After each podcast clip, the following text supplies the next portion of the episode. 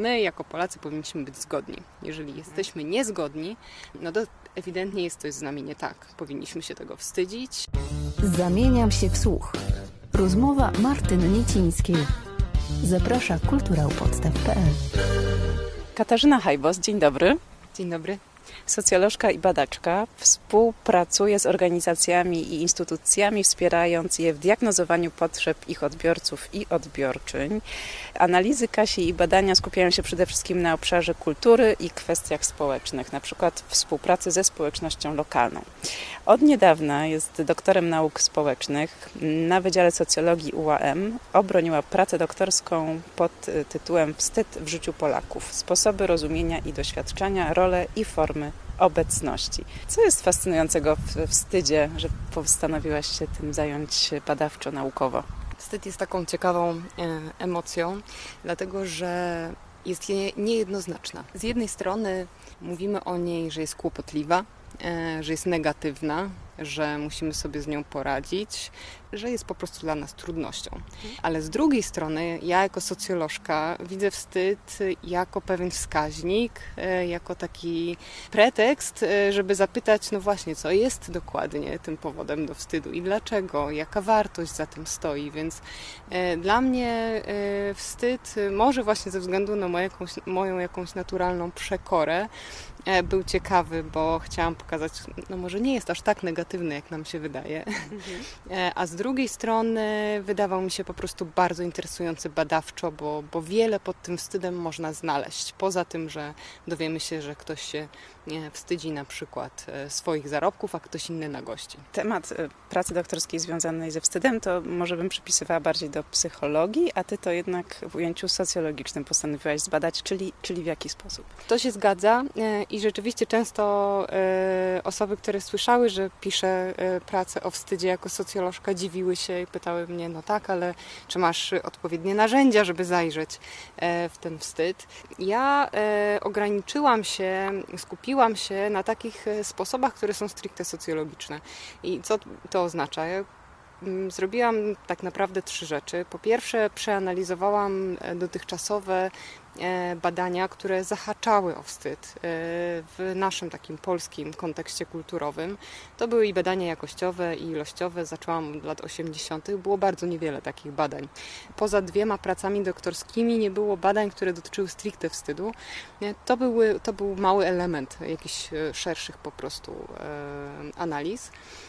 Druga rzecz, którą zrobiłam, to były ankiety, które realizowałam z różnymi osobami, mieszkańcami Poznania.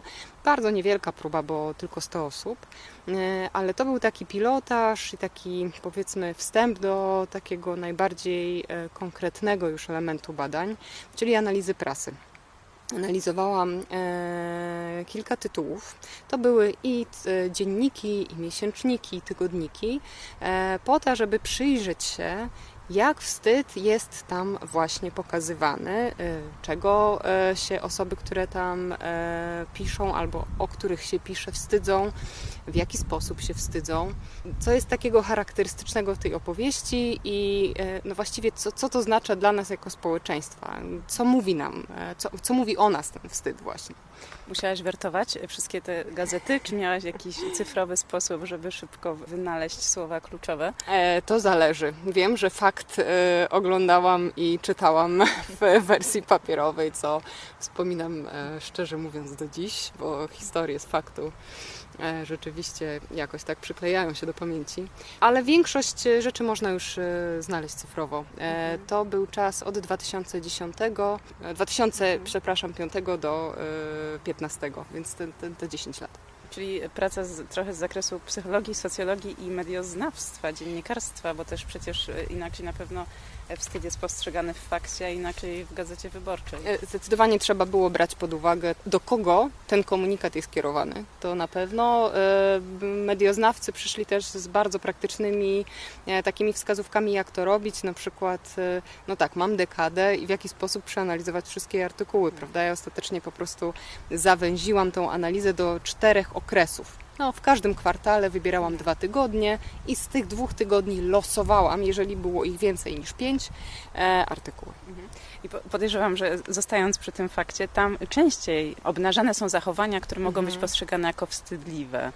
Zdecydowanie często są to zachowania, które zwracają naszą uwagę i e, zostało to po prostu instrumentalnie wykorzystane przez e, autorów.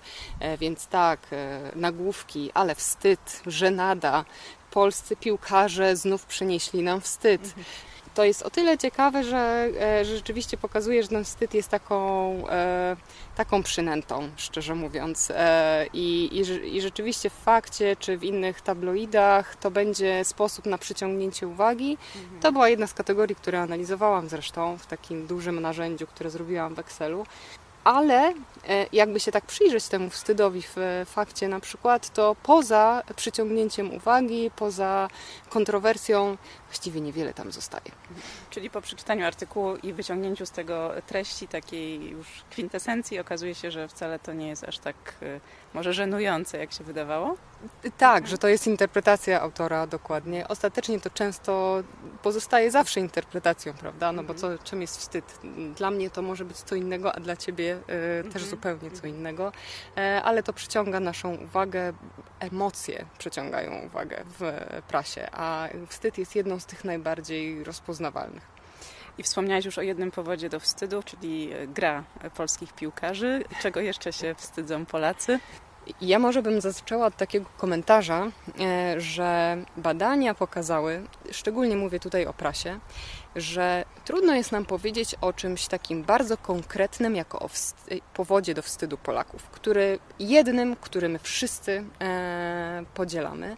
Na pewno wstyd nam jest e, jako członkom społeczeństwa w taki sposób reprezentacyjny, bo e, piłkarze nas reprezentują, bo politycy nas e, reprezentują, czyli podzielamy taki kolektywny rodzaj wstydu, my razem, e, ponieważ te osoby sprawiają, że my jako Polacy wyglądamy źle. I to my wypadamy słabo na tych mistrzostwach, i to my w Parlamencie Europejskim znowu wypadamy słabo w oczach innych państw e, europejskich. To, co e, zauważyłam w e, badaniach, i to bardzo mocno rzeczywiście wybrzmiało przy, w tej analizie prasy, to to, że jako Polacy bardzo cenimy jedność narodową i e, wstydzimy się kłótni.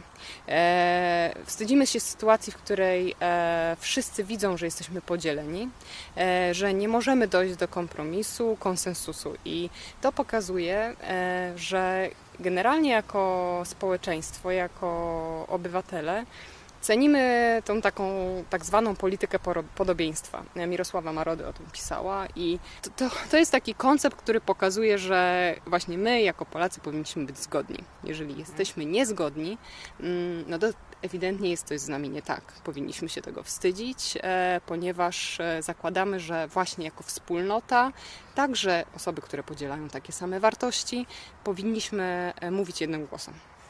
Czyli wstydzimy się tego, widzimy tę swoją wadę i cechę, ale czy my z tym coś robimy? Wiem, że to nie temat Twojej pracy, ale to się od razu nasuwa. Mhm. No, w obecnych czasach zdecydowanie e, polaryzacja ciągle postępuje, więc, e, więc myślę, że nie. To e, też pokazuje taki inny aspekt, e, który doświetla, że tak powiem, wstyd, to, że e, jedną rzeczą jest to, czego rzeczywiście się wstydzimy, ten powód, ta, jakaś wartość, którą łamiemy, bo, bo często to jest ten mechanizm. Ale poza tym pozostaje jeszcze cały ten proces wstydzenia się, który zasadza się na porównywaniu. Wstydząc się, myślimy o sobie źle. To jest e, taka dosyć uniwersalna cecha wstydu, że nie wstydzimy się tego, co zrobiliśmy, albo tego, o czym pomyśleliśmy, ale od razu myślimy o sobie źle jako o sobie. To jest taka bardzo obezwładniająca nas emocja. W porównaniu na przykład do poczucia winy. Kiedy coś zrobimy źle i czujemy poczucie winy, myślimy, ok, zrobiłam źle. Kiedy wstydzimy się, myślimy raczej, jestem zła. W każdym razie ten, to porównywanie się, e, one zawsze odnosi się do kogoś. E, mamy jakąś grupę odniesienia. Więc e, Polacy bardzo, i to wielu miejscach podkreślam w pracy, bardzo nie lubią właśnie tego procesu porównywania, a najczęściej grupą odniesienia e, dla nich jako Polaków są kraje Europy Zachodniej. To zmieniło się trochę w czasie. E, Kiedyś to nie była nasza e, domena, by się porównywać do Zachodu. Teraz już tak jest. Wspomniałaś, że sięgałaś do źródeł z lat 80. Czy natknęłaś się w tych materiałach na takie badania podobne, jakie ty przeprowadziłaś teraz? I czy możesz jakoś porównać, jak zmienia się nasz wstyd na przestrzeni dekad? Marzyłoby mi się takie badanie. Niestety nic takiego e, nie znalazłam. Natomiast to, o czym zaczęłam mówić wcześniej, e, pokazuje charakterystykę, e, charakterystykę naszego wstydu teraz i rzeczywiście jakieś zmiany w czasie. Takim ważnym momentem na pewno była transformacja ustrojowa. Kiedyś, odnosząc się do tych grup odniesienia, o których mówiłam, e, grupą odniesienia były dla nas kraje bloku radzieckiego. Trochę jechaliśmy na tym samym wózku. e, Byliśmy w podobnej sytuacji, podobnym kontekście kulturowym, politycznym, gospodarczym, też co bardzo ważne. Jednocześnie wtedy Polska, można powiedzieć, e, no, była jednym z tych liderów. Dobrze sobie radziliśmy, też tak lubiliśmy o sobie myśleć. Natomiast po transformacji ustrojowej e, i zmianie e, e, gospodarczej zaczęliśmy powoli nabywać takich bardziej kapitalistycznych wartości, często neoliberalnego sposobu myślenia. I jednocześnie grupą odniesienia stały się dla nas państwa Zachodu. I z pozycji Polski, która aspirowała właśnie do tego lidera bloku wschodniego, staliśmy się właściwie takim trochę brzydkim kaczątkiem Europy e, na skraju, ciągle próbującym nadążyć. No i bardzo zdyszanym e, właśnie w tej gonitwie. E, Więc e, to zdecydowanie coś mówi o, o tym, czego się kiedyś nie wstydziliśmy, a, a, a, a co teraz nam towarzyszy. No to zdecydowanie jest ten aspekt materialny, tego, że wstydzimy się po prostu niskich zarobków. Niektórzy respondenci mówili biedy, ubóstwa, inni mówili o niewystarczających właśnie środkach i tym, że nie mogą sobie na niektóre rzeczy pozwolić, na odpowiednie wykształcenie, więc to oczywiście jak, e, w jakiej skali o tym mówimy zależy od mm, naszego uposażenia i statusu, ale to porównanie właśnie w e, kontekście sytuacji społeczno-ekonomicznej dla nas zwykle wypada źle. Ten wstyd zależy też od wieku respondentów? Zdecydowanie zależy y, od, y, od doświadczeń. E, Jeżeli dobrze znamy, no, trzymając się już tego przykładu, e, kraje zachodnie, dużo podróżujemy, to, to częściej ten wstyd odczuwamy. e, Tak to wyglądało w moich badaniach. Natomiast od wieku zależy zdecydowanie sposób odczuwania tego wstydu, jak zauważyłam w badaniach, czyli osoby starsze, e, które dorastały w ogóle w zupełnie innej kulturze przecież niż my, one nie mają zupełnie takiego e, myślenia, e, że wstyd jest emocją negatywną, że wstyd należy koniecznie przepracować.